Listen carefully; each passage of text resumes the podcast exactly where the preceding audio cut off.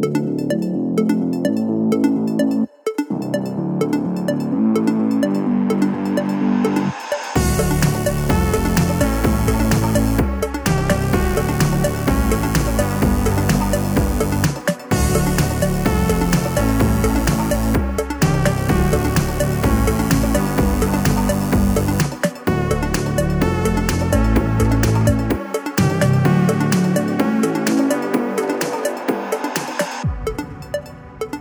Det är tisdagen den 12 juni. Det är två år 2012. Vi har en form av come down från gårdagens VVDC med Apple och våran livesändning.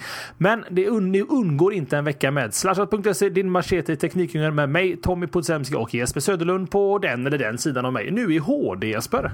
Ja, det, det satt långt inne. Vi har ju snackat lite om hur man skulle kunna ta den här showen till HD-formatet eh, för de som väljer att följa oss på, eh, ja, via video på slashat.tv efterhand. Vi har ju varit eh, fast i det gamla 4 kolon 3 formatet. Oj, hur går det för dig?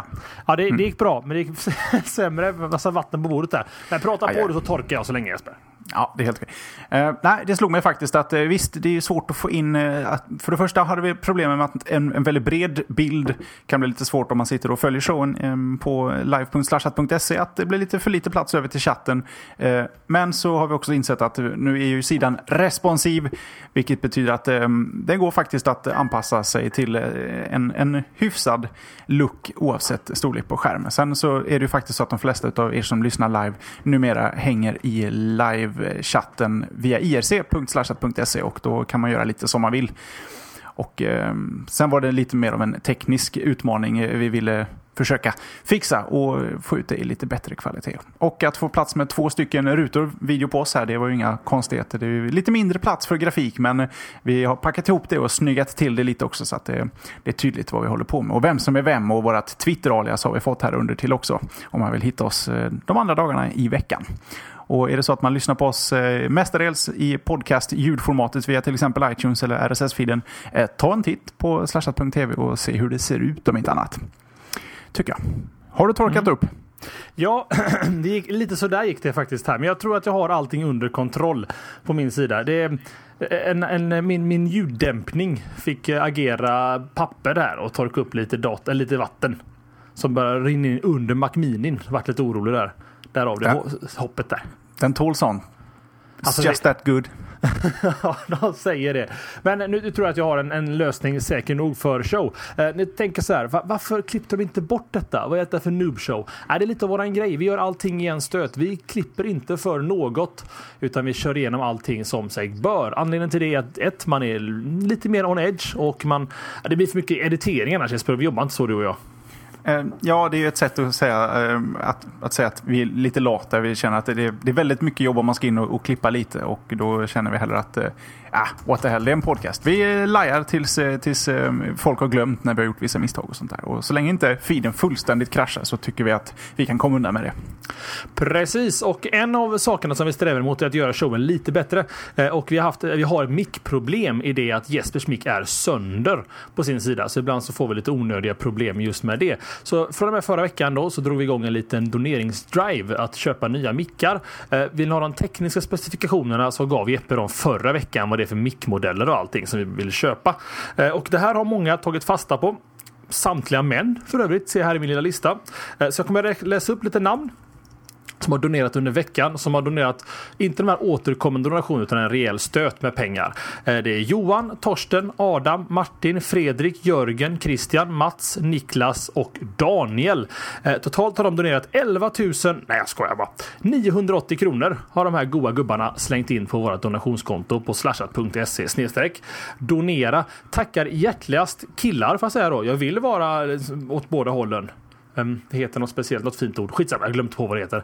Men i alla fall, tack för donationerna. Vi kör en vecka till med så här lite mer fokuserad don donering just för de här mickarnas skull. Jag tror totalkostnad var väl runt omkring 4 500-5 000, Jeppe, va? Jag har inte siffran här, men eh, vi börjar närma oss i alla fall. Mm. Så att eh, däromkring, säg 5000. Och eh, det som inte chippas in, det går ur våra egna fickor. Eh, men det, det känns schysst för er som känner att, ah, men slashat ändå. Det är varje vecka i 168, 9 veckor. Någon liten peng ska grabbarna få och köpa nya mickar för. Så tack till er speciellt den här veckan och så får vi se ifall listan utökas till nästa vecka med donatörer. Så nog om det Jesper. Lite pollar på det kanske? Ja, vi, innan vi går på pollen kanske vi bara ska hälsa eh, välkomna nya lyssnare som kanske har ramlat in här från eh, vårt Apple eh, Keynote live-event från igår här. Och, eh, har man inte förstått vad Slashat handlar om så är det helt enkelt att vi rapporterar senaste veckans eh, nyheter om, som vi tycker är intressanta inom teknik, eh, data, webb, eh, mobiler, prylar.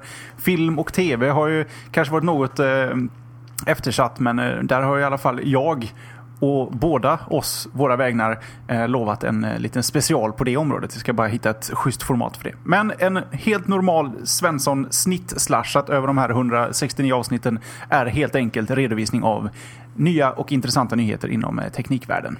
Mm -hmm. Eller ja, lite, lite gamla nyheter i det att det är förra veckans egentligen nyheter som vi redovisar. Förra veckans låt fel, senaste veckans så ja. låter det verkligen upp till now för er. För vi har ju haft sådana vi hittar något ämne någon minut innan sändning och då kastar du det på dina show notes och ja, kastar om helt enkelt och bara öser in eh, det senaste. För mer senare än så blir det ju inte. och nu skäller, jag tror en ny lyssnare på oss. Kom till saken, vi vill ha första nyheten. Vi behöver några minuter innan här för att gå igenom lite personalia. Till exempel pollarna Jesper ska vi gå igenom också va? Mm, och eh, här har ju du faktiskt i förra veckans show lovat att redovisa veckans, eller förra veckans poll mest för att jag tycker att den, eh, det är en tongue twister som heter duga. Ja, jag ska, jag ska försöka få igenom detta på ett vettigt sätt. Eh, det är nämligen som så här, förra veckan så frågade jag mest, men vi då, min och Jespers konstellation. Är du en switcher? Då pratar vi inte om kön, utan vi pratar alltså om mobiltelefoner och framförallt mobiltelefonplattformar.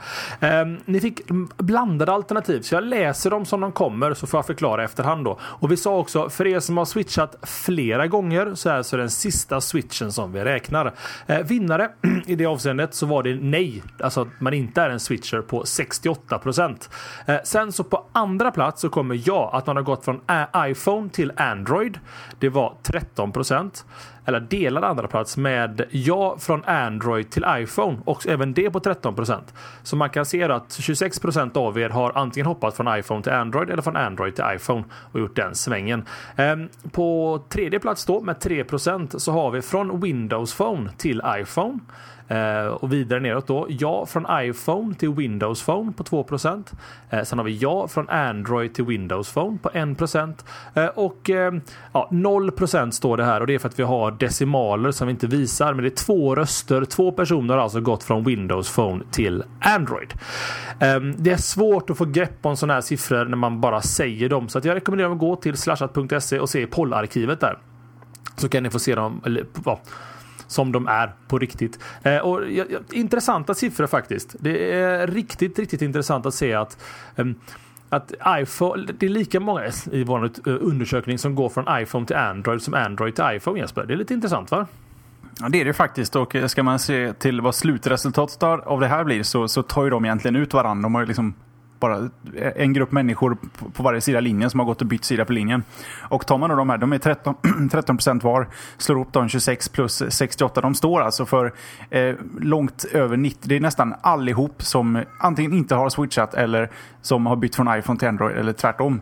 Man ord, det händer ganska så lite med eh, omfördelningen av mobila plattformar just nu. Mm. Ja, det, det, och det är kanske det som är det mest intressanta i, i eh, undersökningen som du säger att 68 stannar. Man, man väljer en plattform, sen så skiter man i allt snack om fragmentering hos Android och inlåsthet hos iPhonen. Don't care. Liksom. Jag är nöjd och då byter jag inte. Jag trodde faktiskt många, många fler skulle vara switchers Jesper. Det trodde väl jag också tror jag. Frågan är, hur, hur är, man, är man en switcher för alltid? Mm, ja, alltså... Val, valde du uh, ja från iPhone till Android? Uh, japp, det gjorde jag. All right. För jag ansåg att iPhone var väl min första smartphone. Eller det var de första de här tre alternativen. Och, så att, ja, och nu kör jag ju Android och det lär jag väl inte lä lämna. Så jag, jag är ju en switcher i avseendet. Mm, all right. ja, jag har kryssat in nej, jag har hållit mig till iPhone eh, som, som min plattform. Sen har jag ju självklart recenserat både Windows Phones och Android-telefoner men jag antar att det är min personliga preferens eh, som har gällt och då är jag ju faktiskt ingen switcher. Mm -hmm. Ska vi snabbt gå vidare till veckans boll? Tycker jag. Mm. Och då har vi dammat av en poll från cirka två år tillbaks till och med den 20 juli 2010. Eh, vi gillar ju att återanvända lite äldre pollar för att se om någonting har hänt i, i de här siffrorna under de här åren som har gått. Frågan vi ställde oss då var vilka operativsystem har du på dina datorer? Och i det här fallet så har ni möjlighet att välja flera alternativ om det är så att ni har flera datorer med flera olika operativsystem. Vi har dammat av exakt samma svarslista men även uppdaterat eh, de eh, alternativen som, som krävde en uppdatering. Valen ni har är Windows 7, Windows Vista, Windows XP eller äldre, Mac OS 10.7 eh, Lion, OS 10.6 Snow Leopard, OS 10.5 Leopard eller äldre. Sen har vi Ubuntu, Debian, Fedora, Linux, Chrome OS och övrigt. Vi vill inte gå ner på allt för djup detalj för då, kan vi, då har vi världens lista här sen och eh, vi känner att det här, eh, det här bör ju täcka upp en eh, 95 till 100 procent av våra lyssnare hoppas jag. Mm. Och sen ska vi också nämna att någon kanske frågar med Windows 8 då? Nej, det tar vi inte med för att det är inte släppt än. Har vi bestämt oss för Jesper va? Ja, det var också samma anledning till att jag höll Mountain Lion utanför det här. Exakt, för att de är inte släppta officiellt och eh, ja, de är inte släppta. Så enkelt är det. De, de finns det. inte som konsument-OS ännu, helt enkelt. Precis, i Mundo. Och kom ihåg att ni får välja flera alternativ. Och är det nu så att ni har Windows 8 eller Mountain Lion, då får ni välja övrigt i det här avseendet. Så enkelt är det. Svårare än så är inte livet ibland. Det, ska bli det är lite hardcore att köra ja. Eh, utvecklarbetor på, på, på sin, eh, sina, liksom, jag vet inte, personliga datorer. Live-dator om vi ska kalla det. Det gjorde jag faktiskt när Windows 7-betan var ute. Jag körde RC'n, alltså säkert från, vad var det, augusti den släpptes till, eh, om det var maj som skarpa releaser gick ut. Just för att den, den var så stabil faktiskt, både på jobbet och privat. Men jag det var många år sedan. Jag körde i och för sig Mountain Line också på min huvuddator men jag gick tillbaka, jag kommer inte ihåg varför. Men jag brukar alltid göra en backup så jag kan äh, återgå sådär. Men det är mest för att jag, jag, jag, vill plåga mig själv lite med att leva beta. Jag kör iOS, iOS 6-betan på iPhone nu för att se hur länge det håller. Lite sadomasochisten i det helt enkelt. Precis. Jessimundo, skall vi skutta på show då eller? Ja, det, vi, vi är för långsamma, så att det är väl hög tid att vi drar igång. Och eh, vi får nästan ta och börja med att redovisa lite vad som presenterades på Apples Keynote från Worldwide Developer Conference 2012 som gick av stapeln igår. Det är ju faktiskt möjligt att några lyssnare inte följde oss live eller kanske till och med har levt under en sten de senaste 24 timmarna. Och då är det ju bra att vi har samlat på oss lite uppgifter. Jag ska inte gå ner på eh, jättedjup detalj. Är man intresserad så vet man förmodligen det mesta och eh, blir man intresserad av det jag säger så finns det väldigt mycket att läsa om det här på nätet och eh, man kan även se hela keynoten i fin brand spanking HD från apple.com. Nere i hörnet finns den att följa. Det var ett, ett, en lång keynote, ovanligt lång. Den klockade in på ungefär två timmar och det presenterades en hel del produkter och eh, tjänster. Ehm, där de eh, bland annat uppgraderade både Macbook Air 11 tum och 13 tum. De blev både snabbare och billigare. De eh, kostar nu från 9, ja, knappt 10 000 eh, för 11-tummaren och eh, knappt 12 000 från 13-tummaren. Även Macbook Pro fick ungefär samma uppgradering. Lite snabbare och lite billigare, både 13 och 15-tummaren. Ligger nu på knappt 12 000 för den 13-tummaren och från knappt 18 000 för 15-tummaren. Och sen så petade de in en helt ny sorts, vad de kallar Next Generation Macbook Pro. Som inte heter Next Gen ehm, Macbook Pro och heter inte heller Mac, Macbook Pro Retina. Även om det är den stora killer-featuren. Det är en, eh, helt enkelt en Macbook Pro 15 tum som är lite tunnare. Eh, proppad med prestanda. En, eh, en skärm med dubbelt så hög upplösning som den andra 15-tummaren de säljer. Och eh, här skulle jag egentligen vilja gå in på en debatt om att Apple börjar tappa lite greppet om hur de döper produkter genom att egentligen inte döpa produkten. För den här heter bara Macbook Pro. Precis som iPaden. iPad 3 heter bara New iPad eller iPad. Men det är en diskussion för någon annan gång. Vad alla de här datorerna har gemensamt är att de har fått Ivy Bridge-processorer och USB 3. Och sen finns det en, eh, lite små uppdateringar vad gäller minnes och eh, batterier och lagring och eh, Thunderbolt-portar och MagSafe som uppdateras. Men det finns att läsa på hos Apple. Mac Pro nämndes inte under eventet, men eh, det finns väldigt många där ute som är intresserade av att se vad som händer med den här två år gamla datorn. Den fick en pytteliten uppdatering, knappt värd att nämna ens på sajten. Det är inte ens eh, omedelbart uppenbart att den har uppdaterats. Men Apple har konfronterats med frågan varför den inte har fått en bättre uppgradering och de har faktiskt sagt att det kommer en större uppgradering för just den eh, senare i nästa år. Så eh, man får nog hålla till godo med det som finns just nu iMac förväntades få en uppdatering men fick det inte alls. Även den kommer att få en uppgradering eh, i samband med Mac Pro-uppdateringen lite längre fram. Mac Mini var, lämnades helt orörd. OS 10.8 Mountain Lion har ju faktiskt eh, sneak peek eh, visats redan i vintras här. Men nu presenterades den då officiellt med en, eh, en mängd nya funktioner som både den och nya iOS 6 kommer få gemensamt. De ska snacka mer och bättre över iCloud och ehm, den här kommer alltså säljas inom en månad. Till, I Sverige vet vi inte exakt pris, men cirka 150 kronor kommer en upgrade från Lion kosta.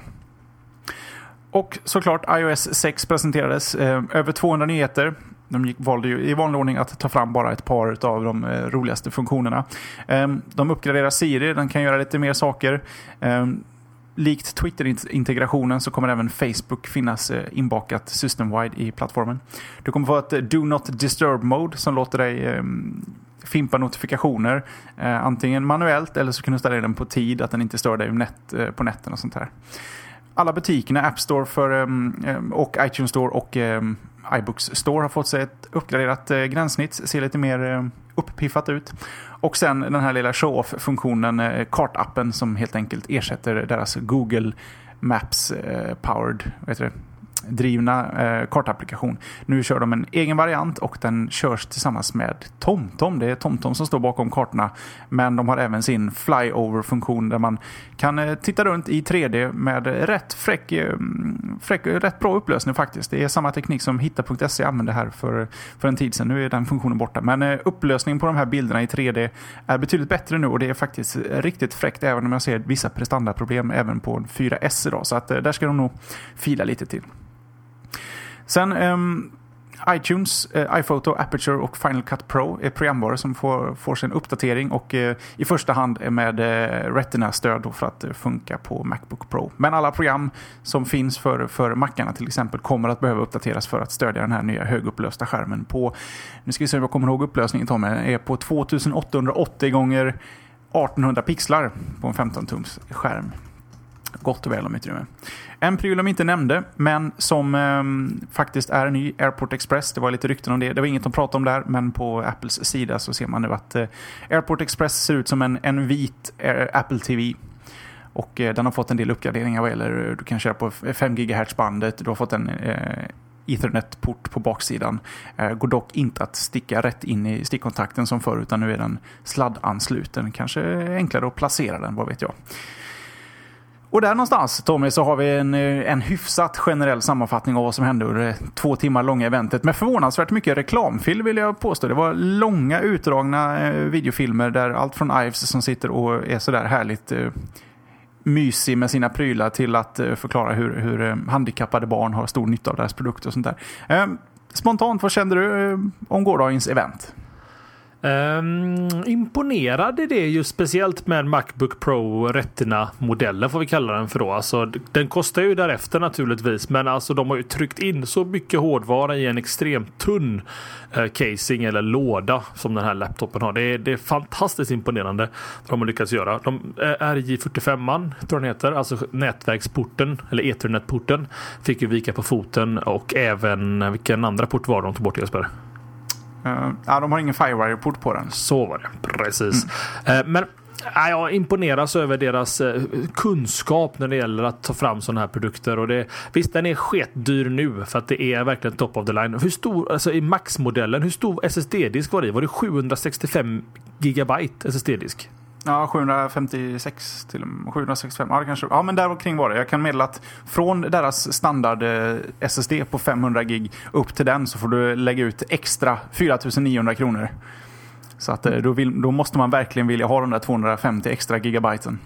Äh, alltså, och jag känner ju direkt äh, så här att för en äh, artist som du är Jesper, att kunna ha studion på en sån här monstermaskin, alltså bara Retina-displayen, det måste ju vattna bra i din mun att få tag på en sån. För att kunna ha alla syntar och hela äh, Ableton som du använder, att se allting på ett ställe. Jag kan tänka mig att Photoshop-experter eller 3D-films, 3D-effektskapare om man säger som behöver ha många reglage framme samtidigt kommer verkligen dregla över en sån här typ av enhet. Och så är den bärbar också. Eh, och förhållandevis lätt. Vad fick, kom vi fram till? Var det 2-3 kilo för hela två, enheten? Två kilo väger den.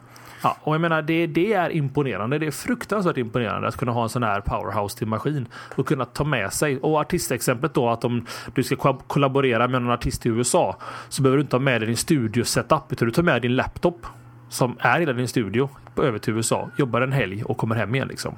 Jag imponeras. Mm. Det där var den stora nyheten för mig. Um, Sen oh, Mountain Lion, ja du vet jag använder inte OSX så att det har inte mycket att säga. Um, känns kanske som att eh, alltså Game Center för Mountain Lion är en oroväckande utveckling just det att de ska slå ihop uh, iOS och OSX till ett och samma om några år. Vi får se vart det bär hän. Uh, och ja, iOS 6 däremot Jesper, där var det mycket uppdateringar. Facebook-integrationen tycker jag är bra. Siri blir bättre. Fortfarande inte för oss svenskar på svenska, men vi får hoppas på att det kommer någon gång. Eh, DND mode hoppas jag är någonting som eh, Google snor sen av Apple så att de snor åt båda hållen. Att man kan DND i Android. Det finns säkert appar som gör det i Android med tanke på att de har mer tillgång till systemet i Android. Men eh, inbyggt i Jelly Bean hade varit nice med en DND mode. Vad det står för det är Do Not Disturb. Du kan säga att nu sover jag i åtta timmar framöver. Shut the fuck up. Typ. Mm.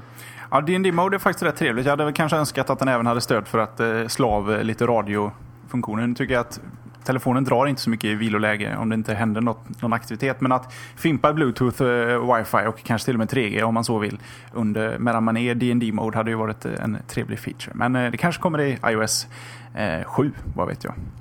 Vad vet du? Även nya och pull, pull to refresh i mailen, det har satt långt inne men nu, nu är den på plats. eh, också någonting faktiskt som eh, Samsung Galaxy S3 har inbyggt då. Det är väl en del av Android får man väl kalla det för.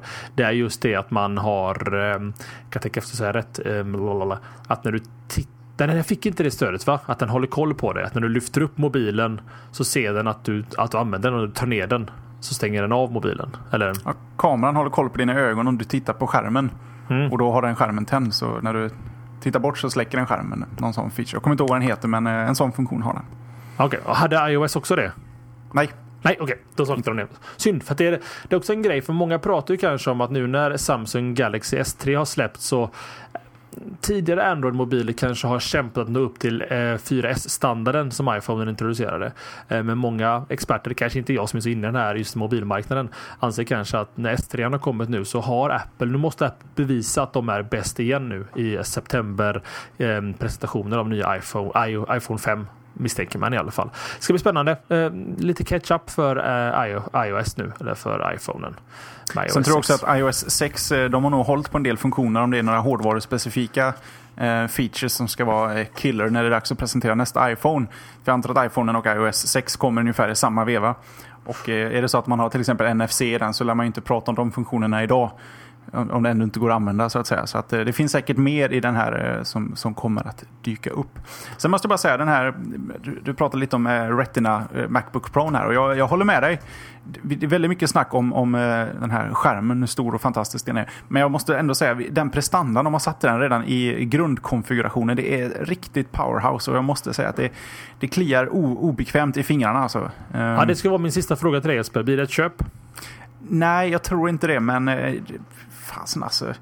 Sen ser jag, ska vi inte bli för långrandiga här, men jag ser ett eh, grafikerproblem att sitta och jobba med pixel by pixel-grafik för hemsidor. Du ska liksom allting passa i pixlar. Det är svårt att sitta och jobba med 460 banners eller 468 eller um, jag vet inte vad vi har på våra. Men alltså sitta med små pixlar, hur ska man liksom jobba med det? Då får man ha något sånt double pixel doubling eh, läge för att ens kunna se vad man håller på med. Uh, massa problem som kommer med den här höga upplösningen. Men uh, utveckling ska uh, ställa lite frågor. Ja, så nu är jag nöjd.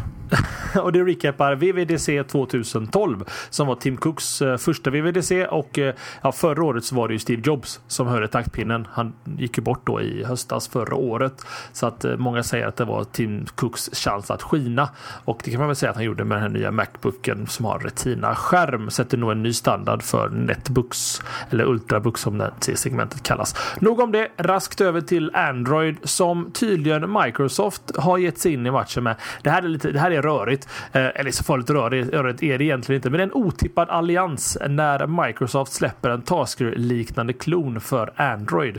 Ni som inte vet vad Tasker är så är det att du kan automatisera delar av ditt mobila liv. Till exempel att min mobiltelefon som är, ja den är där borta någonstans, den är tyst nu. För att klockan är nämligen eh, efter halv åtta på en tisdag och den, och den är innan klockan halv tio. Och då mutar den telefonen för att den vet om att Tommy spelar in slashat. Du kan även göra geofencing som är rätt coolt. Att när jag lämnar jobbet till exempel så skickar Tasker ett sms till min fästmö och säger sätt på kaffet, jag är på väg hem eller något sånt där. Nu har jag inte den funktionen, men ni förstår att du kan automatisera saker utifrån events. Eh, Tasker har länge fått mycket skäll för att det är så extremt oan, inte oanvändbart, men svårt att komma in i om man inte har lite kodarhjärna om man säger så, eller logik i det avseendet. Eh, och då släpper alltså Microsoft en produkt som heter OnX, ON och så klamrar X. Eh, vad det är eh, enklast förklarat är att du skapar regler och recept på en hemsida som sedan skickas till telefonen eh, som automatiserar telefonen. Ehm, har, har du provat IFFT?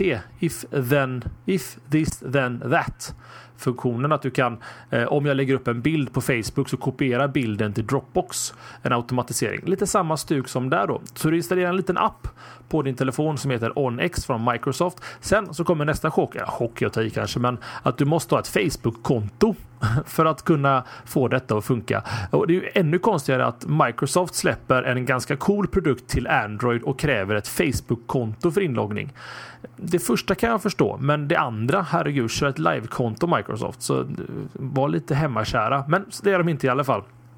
Ehm, den är i betastadiet och har utvecklats av ett israeliskt team. Eh, Windows Phone har skrivit som frågetecken här och Shira Weinberg, Weinberg eh, svarar att Androids öppenhet gör det lättare att utveckla och testa nya tjänster. Tanken är såklart att OnX även ska komma till Windows Phone och Windows 8 när produkten har mognat. Hörde ni vad jag sa? Komma till Windows 8. Det vore ju fantastiskt coolt om man med OnX kan även automatisera datorn och handlingar i Windows 8. Eh, jag kan inte komma på ett jättebra exempel här på stående fot, men ehm, om, om jag går utifrån jobbet med mobiltelefonen i fickan så, så låser den min jobbdator till exempel. När jag kommer till jobbet så låser den upp min jobbdator om det är en Windows 8-maskin. Typ åt det hållet i alla fall. Ehm, små exempel har skrivit upp här vad man kan göra. Att eh, vid första upplåsningen på morgonen, alltså när du klickar upp din Android-mobil, så kollar den vädret och säger till dig om du ska ta med ett paraply till jobbet idag. Eh, om man går, alltså att man rör sig i en hastighet som är snabbare än stillastående eller saktare än springande, så startar min musikspelare, eh, min podcastspelare. Eh, när jag lämnar jobbet på tisdagar innan 18.00 så smsar en Jesper och säger att jag kommer vara hemma i tid till slashat några få exempel på recept. Och recept är såklart sociala. Du kan dela recept med kompisar. Så vi skulle kunna förmodligen starta en slashat-grupp med slashat-relaterade eh, onxar recept eller OnX-recept ska vi kalla det för. Um, jag vet att Jesper att om att Tasker är någonting som kliar lite i ögat eller kliar lite i fingrarna för en iOS-användare. Uh, gör detta dig ännu mera sugen på sån här funktionalitet på iOS? Eh, absolut. Jag, ehm, jag har ju testat lite Android-lurar på senare tid och eh, jag har försökt ge mig på Tasker. Jag tycker Tasker är löjligt onödigt krånglig att, eh, att, eh, sätta upp regler och sånt där. Jag hittade någon variant som heter Lama som var mycket enklare. Men och If this then that är ju betydligt enklare att sätta upp. Det är ju verkligen det, det största gränssnitt jag sett på en hemsida på länge. Att, oh. Men den sortens funktionalitet, om man kan lägga upp det på ett snyggt enkelt sätt att göra regler så hade jag sett det där. Jag hade gärna velat ha det per omgående för att det är ruskigt schysst. Och, alltså det förvånade mig lite att inte någon typ av sån här funktionalitet kom i iOS 6. Det kan vara de här hemliga sakerna som de inte utannonserar än. Men den här typen av teknik börjar bli var mans egendom nu. Visst, Tasker som vi sa var en jättetröskel liksom att komma över för att få det att funka med mest med enklare grejer. Även Locale tror jag den heter var lite enklare. If this then that ifft.com eller vad de har gör det ännu enklare och det här OnX gör det superenkelt att göra recept. Eh, och jag, jag, kanske är lite tidigt ute med den här tekniken att det ska liksom andra skulle vilja ha den som inte är nördar som vi är. Men jag hoppas och tror att Apple är, tittar åt det här hållet och känner att hmm, någon typ av automatisering av uh, iOS är nog på sin plats till slut. Mm, jag Nej. håller med. Hoppas kan man. Mm, då ska vi snacka lite om eh, en av de stora nyheterna från förra veckan. LinkedIn leaked out, skrev jag. Mm. Eh, LinkedIn det är en sorts, eh, ja, vad ska vi kalla det, Facebook för, eh, för ditt professionella liv snarare än ditt privata liv. Det är din, som, som anställd i företag eller som företagare. Ett sätt att hålla kontakt, sociala kontakter inom företagsvärlden. De var redan i blåsväder innan den här nyheten läckte ut i förra veckan. Och i den här första blåsvädret så gällde det att deras iOS-app den samlade användares kalendrar och skickade i plaintext. Och eh, det var liksom livat redan då och då hände det som inte får hända, nämligen nästa katastrof. Att eh, 6,5 miljoner lösenord från LinkedIn-konton från deras 1,5 eller förlåt 150 miljoner eh, stora användarbas läckt ut på en rysk hackersajt. Lösenorden var krypterade men inte tillräckligt avancerat för att eh, förhindra dekryptering. Om det nu är så att du har ett lösenord med, som består av ett ord som kan finnas en ordlista någonstans. Eh, stort livat. Eh, Tommy, jag vet att du, du har ju någon sorts förkärlek till eh, lösenordsläckor och eh, kryptering och saltar och hashar och allt vad det heter. Um, Salt och hash, det gillar jag. Salt och hash, det, det är inne. Mm. Uh, tank, det, illa är det ju. Ja, alltså detta är ju fruktansvärt illa. Speciellt i och med att de har använt osaltade lösenord. Du kan, nämnde du det förresten? Nej, de är osaltade, men de hade väl kört S... Vad fan handlar det om nu? Inte... Uh, SHA-1 tror jag det var. Just precis. Eh, alltså, grejen är som så här att problemet med SHA-1-kryptering eller MD5-kryptering som inte är saltade. Det är att eh, namnet Tommy i SHA-1 ser alltid likadant ut i krypterad sträng. Så det är ganska lätt för en ond människa att ta ett helt lexikon till exempel och SHA-1, hela lexikonet som är några miljoner ord kan jag väl tänka mig. Eh, och sen jämföra de orden som finns mot existerande databas. För då ser man rätt snabbt alla de som har Monkey som lösenord till exempel. Om ni förstår hur det funkar. Och det, ja, det, det är riktigt, riktigt, riktigt dåligt. Um, jag menar alltså 6,5 miljoner eh, lösenord. Det, det är inte okej. Okay. Alltså det, det, här får egentligen inte hända uh, för en så pass stor sajt. Det har varit lite, det var tydligen någon rysk uh, hackare uh, som även kom över. Kommer du komma till det Jesper? Ja, jag sa att det var från en rysk att den hamnade på en rysk sajt i alla fall, men eh, längre så gick jag inte. Men han har ju även, eh, personen i fråga har ju även faktiskt tagit lösenord från en annan sajt också. Mm. De tog, snodde ju från eHarmony. Var de inne och tog sa, samma hackergrupp eller hackerperson. Tog lösenord från eHarmony. Och i den här vevan så gick last.fm ut och meddelade att eh, kanske är så att ni borde byta lösenord på den här tjänsten också. Så att förmodligen så är det någon zero day exploit som någon inte vet, alla inte var medvetna om. Kanske i SSH-inloggningar eller vad det nu kan vara som gjorde att de här personerna kom över de här sajterna. Lärdomen här för alla i alla fall som lyssnar är att alltid salta lösenord. Vad det betyder är att du lägger till en unik nyckel när du skapar den här hashen från ordet Tommy som gör att det är omöjligt att få fram det ordet så länge du inte har hashen eller har det där saltet också. Um, kryptologi kan vi prata om en annan dag. Men, men, eh, jag kan tycka att det, det, är väl okej, okay. alltså herregud om någon skulle hacka slashat och vi inte hade MD5 det lösenord och de tar några tusen användare. Det är inte bra, men det är inte vår när, livsnäring detta liksom. Det är inte så att vi jobbar med detta och tjänar pengar på detta. När du är ett företag som är LinkedIn med hur många anställda som helst. Som, detta är deras levebröd liksom. Detta är kärnan till hela verksamheten. Det är användarna och användarkontona. Det, det får inte läcka så här liksom. Det är, det är verkligen inte okej. Okay.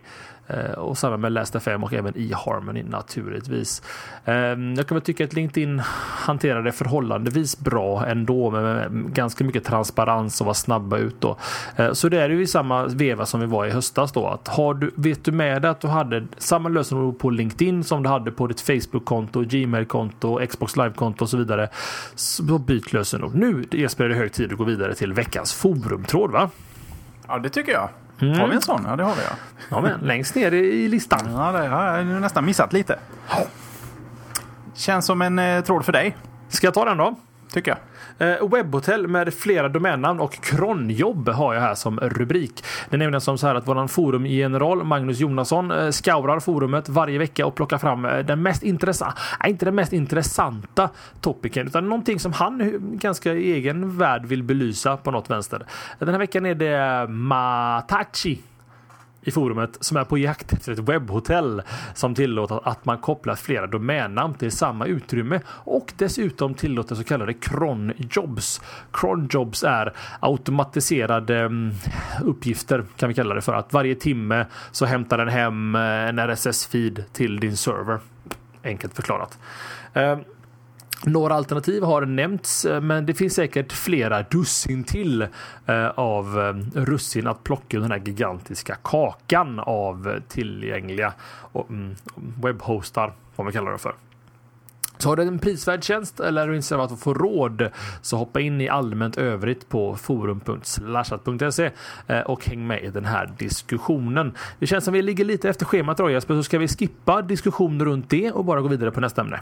Tycker jag, för jag har inte så mycket att säga på det ändå faktiskt. Jag har massor, men det tar vi i forumet. Då tycker jag du tar det till forumet och alla ja. lyssnare. Just det. Ja, det är du mm. nu Jesper. Ja, men det är du ser du. Nej. Det var just det. Jag pratade så mycket om eh, li LinkedIn. Ja, det, du började on and on and on. Jag tänkte... Will he ever shut up? Mm. Nej, men då kör vi en liten Curtis och det är mm. att Foursquare har uppdaterat sina mobilappar för iPhone och Android. Um, Foursquare siktar kanske var att vara lite mer på en social tjänst som ska rekommendera annat uh, just nu. Um, den nya designen då som de har släppt för de här mobiltelefonerna ja, fokuserar på att göra tjänsten mer social och göra användarna mer samspelta med varandra. Man får mycket mer rekommendationer situationer att eh, Jesper har varit här och du är i samma stad. Varför går inte du dit? Och så vidare. Ehm, eh, du kan även börja göra recensioner av till exempel restauranger och allt annat du checkar in på. Ehm, och även material Även andra recensioner, alltså professionella recensioner kommer dyka upp i appen för en restaurang. Säg att du står och skriver att jag vill ha food inom en kilometer och så får du även restaurangrecensioner runt omkring dig. Um, vi har pratat om detta ganska mycket och vi båda tror väl egentligen att den här typen av mobila plattformar kommer att bli väldigt, väldigt populärt i framtiden. Uh, även med push notifications att uh, ja, går du förbi, förbi till exempel Starbucks eller um, vad heter den andra? Skitsamma, Starbucks kan vi säga. Eh, och du vanligtvis köper en kaffe mellan 9 och 10 på dagen så får du pling och säger att kom in 25% rabatt liksom. Du gillar kaffe och klockan är halv 10 och vi gillar dig. Eh, har, vi några, har du några funderingar på det här Jesper? Foursquare? Har du provat nya Foursquare? Nej, jag har faktiskt aldrig provat Foursquare och nu har det nästan gått så lång tid att det har blivit en sorts statement att jag kommer inte prova det. Ehm, jag använder Facebooks och eh, i förlängningen då Goalas tjänst. Eh, men väldigt, väldigt eh, sparsamt. Mest, jag kommer aldrig ihåg det. Och Nej. någon enstaka gång checka in sådär, du vet i, i väntan på bussen. Istället för att röka så checkar jag in liksom. Alltså, jag, jag, får ju faktiskt ibland frågan av folk varför checkar du och din fästmö in liksom på ställen? Och jag kan förklara det med det att man ligger där själv. Eh, en, en eh, kall och risig jävla novemberdag liksom. Och man vill kolla på lite grejer och det är rätt kul att gå igenom vad har jag gjort under året. För det blir en kronologisk egentligen passiv dagbok över vad jag har varit. Ja jävlar, vi var ute och seglade där ja. Och just det, och så checkade vi på restaurangen med de kräftorna som smakade skit.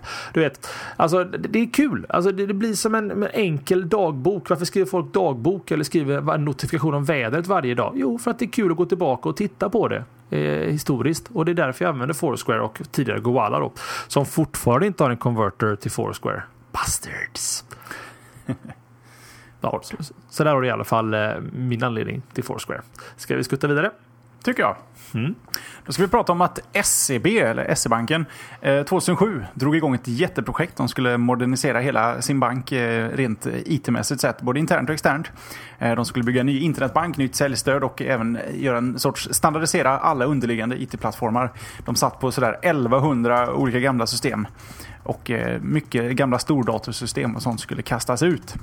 Hela projektet kallades One IT Roadmap och har varit högprioriterat eh, hela vägen igenom. Eh, men 2007, 2012, fem år har de hållit på och nu drar SEB i bromsen här. Kostnaderna har eskalerat och eh, så illa att det har lämnat ganska så tydliga spår i bankets, eh, bankens resultaträkning. Ehm, och då är det ändå två år kvar innan det skulle blivit klart. Eh, alla de här projekten som, som eh, var inblandade här de gick istället ut till ordinarie IT-utvecklingsverksamheten. Och där prioriterades en ny internetbank. Och den skulle ha varit klar nu innan 2012 var slut. Men de hann knappt komma igång för i april så la de även detta projektet på is. Vilket gör att 300 personer som sitter och jobbar med det här och eh, eh kastas ut. Medan SCB helt enkelt ska ut, utvärdera det här på nytt. Computer Sweden har med lite oberoende källor beräknat vad den här kostnaden har blivit. Så ni SEB, folk där ute vet vad det är ni betalar för. Eh, bara själva utvecklingen av själva internetbanken har kostat redan 850 miljoner till en miljard. Och eh, det här kommer alltså inte mynna ut i någonting. Enligt experter på det här området så verkar projektet eh, ha varit så felaktigt från början att det fanns liksom ingen chans att det ens någonsin skulle gå i mål. Varningsklockor för det här projektet ringde redan för, för två år sedan här. Eh, SCBs ledningsbeslut om att allt ska göras på en gång eh, bidrar också nästan det är nästan det stora problemet här att allting skulle göras på en gång och att det blir helt enkelt för mycket. De påstår själva nu att eh, vi tar en paus och ser över strategin men eh, Computer Swedens källor påstår att det här projektet aldrig kommer att återupptas. Är du SCB-kund Tommy? Nej, jag är Nordea-kund. De är inte heller världens bästa onlinebank. Och då pratar jag alltså inte om användarförfarande utan egentligen om tillgängligheten av onlinebanken. Tycker den är nere till och från lite, nästan lite för ofta. Um, som, som IT-ansvarig som är min huvudsakliga näringsinkomst, liksom vad jag jobbar med, så eh, alltså, de kunde nog räkna ut det här själva. Att, alltså, det, de drog i för lite för många trådar samtidigt. Att både modernisera onlinebanken internt externt och sen en eh, ny internetbank, nya säljstöd, standardisering av underliggande IT-plattformen. Herregud, och 1100 gamla system här, börja med små saker och jobba er uppåt liksom. Sikta inte för högt. Börja bara med internetbanken. Gör den kick-ass och sen gå vidare. Alltså man kan göra en teoretisk plattform först och sen börja bygga runt omkring det. Eller ja, det finns många vägar att göra detta på. Jag är säker på att eh, konsulten har gjort den bästa möjliga vägen. Men jag förstår att man drar i handbromsen efter sådana här kostnader eh, och efter sån här lång tid. Men eh, skynda sakta liksom. Jag ska citera ett par rader här ur IDG som skriver om det. Redan för två år sedan förvånades experter eh, som ser Computer Sweden talat med över att SCB valt projekt och utvecklingsmetoden RUP istället för att jobba med mer moderna agila metoder som Scrum. I kombination med en hög grad av vattenfallstänkande på strategisk nivå och brist på transparens i projektet har arbetet inte skett tillräckligt agilt. Säger det dig något? Massor. Mm. Alltså Scrum, Scrum är väl egentligen erkänt den bästa agila utvecklingsmetoden idag för större grupper och speciellt för sådana här projekt. Och jag, nej, mm, det verkar bara konstigt. Det verkar liksom att de... man påminns, påminns lite om hur det var 1999 liksom. Där man kunde bygga en hemsida för 10 miljoner och kanske ha en månadskostnad på 50 till 100 000 för att driva en sajt liksom. Lite den vibben va? Mm. Ja. Nej, jag hoppas för att SEB i alla fall får ordning på det. Eh, och ni som är kunder och inte tycker att det är bra kan alltid byta bank. Kom ihåg det att det är inget jättejobb att byta bank idag och det kan vara en bra markering till att det här är liksom inte okej. Okay. För i slutändan så är det ju ni kunder som betalar för den här jättefadäsen från SEBs sida. Eh, jag fortsätter med mina kortisar och det är att vi får lite mer statistik från våra vänner på twitter.com. Det är nämligen så att CEO Dick Costello Costolo, heter han till och med, eh, sa det nyligen på en eh, konferens att Twitter, förutom logga, har ändrat mycket av deras backend och det behövs. För det är nämligen som så att han berättade även att eh, det hanterar, att Twitter idag hanterar över 400 miljoner tweets per dag. Med min matteakunskap har jag kommit fram till att det är 4629 tweets per sekund varje dag året runt på den här tjänsten. Om man pratar storskaliga system så ska man då titta lite till hur Twitter har gjort. Och där kan jag ge ett tips faktiskt för er som är utvecklare att på github.com Twitter så lägger de ut mycket av deras MySQL-patchar Ja, ni hörde rätt. De kör MySQL i grund och botten. Um, och även en massa andra bra grejer i deras olika söksystem och sånt där som indexerar tweets. Massa kul att lära sig där om man är lite eh, lite tekniskt belagd och kanske vill lära sig lite mer om skala som är programmet eller koden, kodspråket som de utvecklar Twitter i. Ehm, även lite cred, vi brukar alltid vara så här lite äh, när det handlar om experter som gissar sig till siffror. Men Dataminer uh, eh, siade redan i april om att det var 340 miljoner tweets per Mm, dag. Och det var ju ganska nära då 400 miljoner idag. Så de kanske stämde ganska spot on. Så good game på Data Miner. För vi pratade om siffrorna. De senaste officiella siffrorna från Twitter kom i oktober förra året eller i fjol och då var det 250 miljoner tweets per dag. Så att det, det har ju i princip dubblats sen i oktober. Så det finns nog anledning till att se över sin backend där. Inte mycket att snacka om Jesper. Vi bara använder Twitter. Slashat på Twitter. Tommy nu för min del och Jesper SE för Jespers del. Slutsatsen är väl att många använder Twitter. Ja, det är, ja. Alltså det är också svårt det där egentligen för att nu ska vi inte gå in i diskussion om detta, men många kan ju tycka att Twitter, man skriker in i ett stort rum liksom. Att alla pratar och ingen lyssnar. Men eh, ja, vi tar, det är en diskussion för en annan dag Jesper. Det är det. Ja. Du, nu i EM-tider Ja. så det är ju lätt att glömma att eh, det är snart över. Och att eh, det är dock inte slutet på sportåret. Det kommer ju faktiskt ett OS också från London. Och eh, vad vore väl lite OS i modern tid om vi inte kunde gagnas av det här rent tekniskt? Det är så att eh, The Verge rapporterar att eh, OS kommer i stor utsträckning sändas via YouTube. NBC kommer att sända ungefär 3 500 timmar video från OS på YouTube. BBC kommer att sända över 24 olika live-feeds samtidigt för hela OS för att täcka in så många grenar som möjligt. Även internationella OS-kommittén kommer att eh, sända själva. Cirka 2200 timmar video och kommer att fokusera på att sända gratis till de här eh, 60, eller till 64 länder i Asien och Afrika. Och målet är att egentligen sända OS i länder som inte, där inget tv-bolag har köpt eh, de riktiga sändningsrättigheterna. Och helt enkelt se till att folk kan eh, följa OS även om de inte har ett tv-bolag som har köpt in de här grejerna. Deras egna sändningar består av 10 livekanaler som går mellan eh, 9 på morgonen och 11 på kvällen och det är eh, Greenwich Mean Time, alltså engelsk tid. Samt de har också en dygnet runt-kanal. Det känns väl helt i tiden att sånt här, det borde väl kanske redan ha gjorts under förra OS och förrförra OS, men att sånt här finns tillgängligt um, över nätet för alla. Ja, definitivt. Och när man pratar om alla så får vi räkna in oss svenskar. Och jag vill menas alltså att SVT Play har varit väldigt duktiga historiskt med att sända OS och sånt för oss Sverigeintresserade då eh, redan på Play. Så det kan också vara en liten rekommendation här att ehm, ja, svtplay.se är en bra sajt att hänga på. För de kör de flesta grejerna live där och även återin, åt, visa gamla klipp och sånt från OS. Och VM och EM och annat roligt.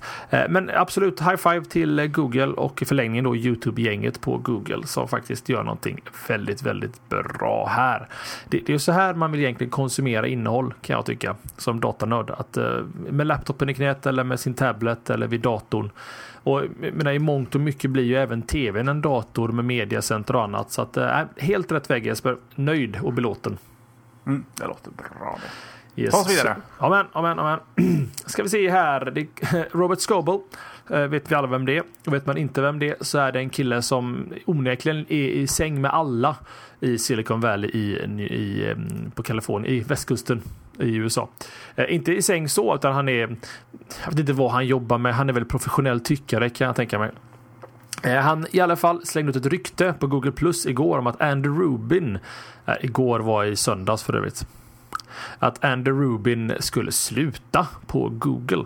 Eh, Andy Rubin är en av grundarna till Android. Google köpte ju faktiskt Android och Andy Rubin i huvudsakligen då för att bygga Android eh, i ett Google-namn. Och, eh, men ryktet var i alla fall att han skulle ägna sig åt ett annat företag som heter Cloudcar och lämna Google helt och hållet. Andy Rubin går snabbt ut och dementerar alla rykten eh, via ett tweet.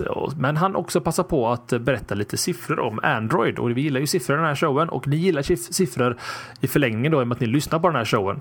Eh, så Rubin meddelar nu då att det aktiveras över 900 000 nya Android-enheter per dag. Eh, alltså det är ju en hisnande siffra som pekar på hur stort Android har blivit. Ehm, Matte A kommer fram här igen och då kommer jag fram till att det är eh, lite drygt 328 miljoner 500 000 nya Android-enheter per år som aktiveras. Jag skriver da som en liten kommentar på detta. Och Vad tycker Jesper? Det var mycket. Alltså jag, De han- siffrorna går inte att hålla uppe i, i allt för länge. Om man inte släpper mobiler i stil med Sony Ericssons eh, Play som inte uppdateras en enda gång. Då blir ju eh, rebuy frequencyn ganska hög. Definitivt. Ja, men det är lite som eh, Facebook, att de, man, man når nog en kritisk massa och sen så måste det börja falla därifrån. Liksom, man kan liksom inte ha mer medlemmar eh, eller Android-mobiler i detta avseendet. Eh, och de, är också, alltså, de har ju gått ut Google flera gånger och sagt att det handlar inte om återaktiveringar på en telefon utan första gången den här unika idet pingar Google och säger att I'm alive så loggar de det. Så att ja, jag imponeras utan tvekan. Det nämns här i chatten också att det visar hur lite kontroll Google har över Android. Och det kan också diskuteras. Google säger ju själva som kanske lite försvar att de vill inte ha kontroll över Android. Det är inte poängen med att släppa ett öppet operativsystem utan ta det och gör vad ni vill med det så länge ni stödjer appar som i förlängningen då Google tjänar på. Eh, men i alla fall siffror, siffror, siffror. Jesper?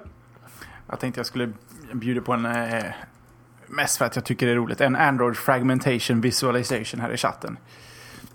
Ska man även se att eh, Galaxy S2 är den mest framgångsrika Android-telefonen ever. Eh, mm. Jag har ju faktiskt ett jätte, jättekort ämne också på siffror. Jag kan beta av här innan mitt sista ämne om en liten stund. Windows 7 passerar 600 miljoner licenser. Mm. Låter dem hälsa. Och det är då sedan lanseringen i oktober 2009. Det kan vara det kortaste ämnet någonsin. Men jag satt och funderade lite på det här nu medan du eh, pratade siffror om hur, hur många Android som ändå aktiveras per år om man ser till eh, vad de aktiverar per dag. 600 miljoner sålda licenser på tre år. Det är alltså 200 miljoner licenser, om vi bara snittar här, per år. Och om vi kollar på den globala PC-försäljningen så ligger den på ungefär 85 miljoner.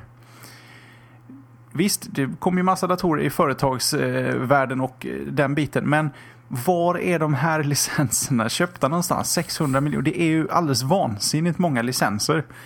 Och det är ändå utöver vad som eventuellt piratkopieras. Jag tycker det låter suspekt mycket. Eller jag bara eh, nego. Ja, alltså nej, alltså jag, jag är med dig Jesper. Hur, hur räknar de? De kanske har en egen sån chart. egen world chart, hur många som bor på jorden egentligen som är dataförda. Nej, alltså det, det, jag håller med dig. Det, det låter också väldigt, väldigt mycket. Uh, jag sitter och klurar på om det kanske kan vara... Uh, alltså, kanske det, räknar i en Windows Phone också, men uh, det hade kanske inte gjort något jätteavstamp i siffrorna. inte jätte... Nej, alltså jag, jag funderade på vad kanske de, de räknar in molnlicenser, men jag menar det är väl inte så många Windows 7-maskiner man snurrar upp på Amazon till exempel. Uh, nej, jag, jag, jag, jag, vet inte. Jag äger en licens. Tre, två, tre, fy, fyra licenser äger jag. Fyra Windows 7-licenser? Ja. Det är så jag har. Ja, det, for a rainy day. Så. Verkligen. Nej, ja, alltså, men då har vi just löst problemet. 85 miljoner datorer så går alla nördar och köper fyra licenser for a rainy day. Då, ja, har, ju, då har de ju räknat lågt. det har ju att göra just det här att man köper nya laptops och då kommer det med liksom. Det är sant. Det är sant. Och jag antar så. att sådana licenser är definitivt medräknade här. Ja, det, det, måste de vara. Det finns ingen, det finns ingen möjlighet. Och Nubbe i chatten ska han ha två licenser. Så det, det är nog inte helt ovanligt att man har en eller två eller tre. För jag menar under en livslängd. Nubbe säger att när han kör Linux har han ändå två Windows 7-licenser. För man köper väl en laptop och då ingår licenser och sen så wipar du den hårddisken till Oblivion och så kör du in en vettig Ubuntu-release istället. Eller Linux-release. Fyra säger han när nu lyssnar här. Så att, det, siffrorna stämmer nog Jesper. Jo, men eller ja. ja. Han kanske har fyra datorer. Sa du Starcraft? Kan ha ja. sagt. För nu är det nämligen så. Du bytte, bytte ämne lite snabbt kände jag. Men det blev mm, så Jesper. Nej, jag är med. Ja.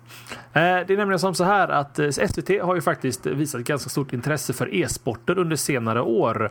Eh, det började med att de körde på SVT Play att bara visa lite Starcraft-matcher. Starcraft 2 då ska jag säga. Sen så utvecklade de lite, de hade till och med lite, jag tänker OS, EM, VM rapportering runt DreamHacks Starcraft 2-matcher. Där de sände allting i Play, hade studio och sånt där. Eh, de tar steget ännu längre det här året och kommer sända Starcraft 2-matcher via marknätet.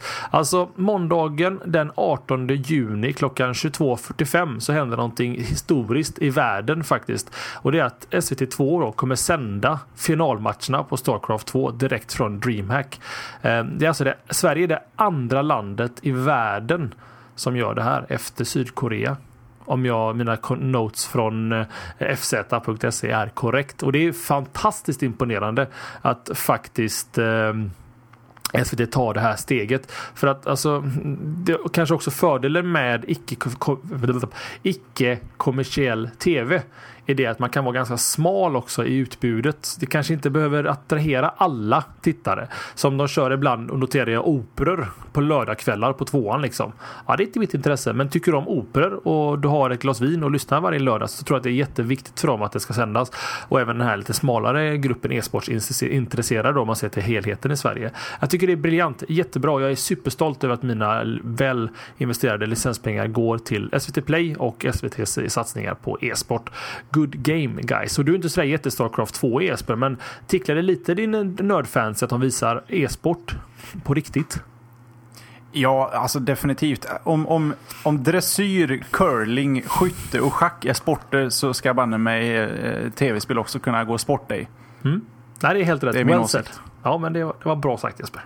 Mm. Har du något sista litet ämne att klämma in eller? Ja, jag måste klämma in det för att det här är inte historiskt i någon annans värld, men i min värld. För det är första gången jag naturligt i, i en mening eller i en diskussion överhuvudtaget, överhuvudtaget får in ordet oligopol som man lärde sig i skolan som liten. Jag har aldrig haft någon användning av det här ordet förrän nu. För vi ska diskutera Western Digital och Seagate som befinner sig i en oligopolställning där de helt enkelt dominerar hårddiskbranschen så till den milda grad att vi betalar mer än vad vi egentligen borde. Och vad det handlar om är att vi hade ju lite översvämningar i Thailand här i höstas och de drev upp priserna på hårddiskar för fabriker fick stänga ner, komponentbristen blev påtaglig och priserna ökade ungefär 20% Nu har det gått ett halvår sedan det här. Men priserna har inte justerats ner trots att fabrikerna är tillbaka och rullar och det finns ingen som helst komponentbrist. Och det är då helt enkelt så att de här Seagate och Western Digital, eller Hitachi och Samsung som äger de här till viss del, eh, dominerar hela den här marknaden så pass mycket att eh, de eh, de kan göra lite som de vill. Det är ehm, också så att analysföretaget iSupply påstår att de drar in så pass mycket mer pengar nu. Vinsten har ökat, omsättningen har ökat markant. Att det eventuellt kan handla om, ja, de spekulerar väl med att det kan vara lite, en liten form av kartellbildning här. Att de har eh, lovat varandra att inte prispressa för att hålla uppe marginaler och vinster. Vilket är fult. Mm. Men så är, så är det i krig och kärlek Jesper. Och oligopol. Oligopol. Det är fint. Fick du in det ordet i ett sammanhang. Det var bra jobbat Jesper. Mm, kanske till och med avsnittsnamnvarning på ordet så det får lite mer hangtime, vad vet jag. Vi får se efter snacket. jag tycker vi kör på det. Vi tar ett beslut där Jesper. In show, det har aldrig hänt förr heller. Oligopol, det är det nya. Blåa och vita och gröna. Eh, mitt sista ämne den här veckan, eh, faktiskt ännu mera siffror. Jag vet inte vad det är med mig idag. Det är jag och siffror. Den här veckan. numbers. Ja, nämligen som så här att IPv6-dagen gick ju av stapeln här i veckan och det uppmärksammades på lite olika sätt. Vi här på Slashat kommer uppmärksamma det på ett helt egna sätt. Eh, om du inte vet vad IPv6 är så ska du börja googla och förstå det där, för det är viktigt. Det är, det är, det är en stor eh, strukturell och fundamental ändring i hur internet kopplade entiteter pratar med varandra. Då blir det rörigt. Googla på det så får ni jättebra förslag. Eller förklaringar. Ursäkta mig, jag är lite host där känner jag. Och min, mitt vatten som jag skulle dricka det hällde jag ut istället. Så att, eh, jag får skylla mig själv. Eh, skål! Enligt, ja, skål på dig Jesper. Ja, du har det, säger jag. Eh, enligt CNN finns det nu, och det här har jag twittrat och försökt få lite hjälp med Jesper. Men alltså... I... Åh oh, gud vad gott det låter. Mm. Jag tar en klunk för dig också. Ja, gör det Jesper. Enligt, i, en, enligt CNN nu och i och med att IPv6 finns tillgängligt så finns det alltså 340 triljoner, triljoner, triljoner IP-adresser tillgängliga i hela världen. Det är alltså motsvarar 340 undecillion. UND E C I L L I O N. 340 undecillion adresser. Um, och då ska vi prata siffror så det är alltså en ökning från IPv4 som var bara eh, uh, 79 och, och tillion. Det är alltså miljard, miljard, miljard. Jag förstår ju siffrorna. Det här är inte helt lätt att förstå. Alltså när man pratar om eh, Undicillion, eller 340 triljoner, triljoner, triljoner. Eh, så att jag ska sätta det lite i perspektiv här. Alltså, det finns fler IPv6 IP-adresser än alla stjärnor i hela universum enligt de uppskattningar som finns då. Eh, det finns mer IPv6-adresser än celler i den mänskliga kroppen. Um, eller det finns mer IPv6-adresser än gallons of water on Earth. Gallon motsvarar, har du det i huvudet Jeppe? Eller vad en gallon ja, är? Vad är det? det är väl 3,8-4 liter där någonstans. Gallon to liter. Så får vi det här. En gallon är 3,7 85411. Ja, bra. Eh, alltså ni, alltså, ni förstår att det här är en eh, sjuhelsikes mängd IP-adresser. Och vi kommer klara oss till den vi börjar kolonisera andra planeter alla Mass Effect. Då får vi problem igen med IP-adresser. Men nu ska vi jäklar mig ha safe med 340 undecillion adresser. Sitter du nu här och tänker Tommy och Jesper, hur kan ni inte ha koll på vad en undecillion är på svenska? Eller vad 340 triljoner triljoner triljoner är? Så snälla mejla oss på slashat.slashat.se. Vi vill verkligen veta vad de här siffrorna är på svenska. Jag läser ju amerikanska siffror här då. Eh, så kan du de här konverteringarna så mejla oss. Är du vänlig. Tack för ordet. Mm. Har man inte hört det här också, det, det, har vi säkert pratat om tidigare, att eh, nyhetsmedia tycker det är lite roligt att, att eh, skrämma folk med att oj, nu tar adresserna slut på internet. Har det inte varit det där snacket sen, egentligen sen internet eh, blev liksom var mans egendom? Sådär. IPv4 håller på att ta slut, vilket det egentligen aldrig riktigt har gjort. Men eh, det är alltid bra att ha lite headroom, säger vi nu. Kanske de skrattar åt oss i framtiden när vi trodde att våra futtiga 34 undecillion skulle räcka. Hur tänkte de? Ja, Nej, det, det är faktiskt sant. Men jag, jag, ehm, det, det här ska stå sig ett tag framöver får vi hoppas i alla fall. Ja, våran livstid får vi hoppas. Jajamensan. Allt efter det can't be vouched for. Nix, nix, nix. Däremot så kanske vi inte kommer handla om 340 andecillion kronor som kommer in på ett donationskonto. Men jag ska ändå flagga en liten flagg för det till. Eh, sista veckan på den här lilla driven som vi varit och kallar det för.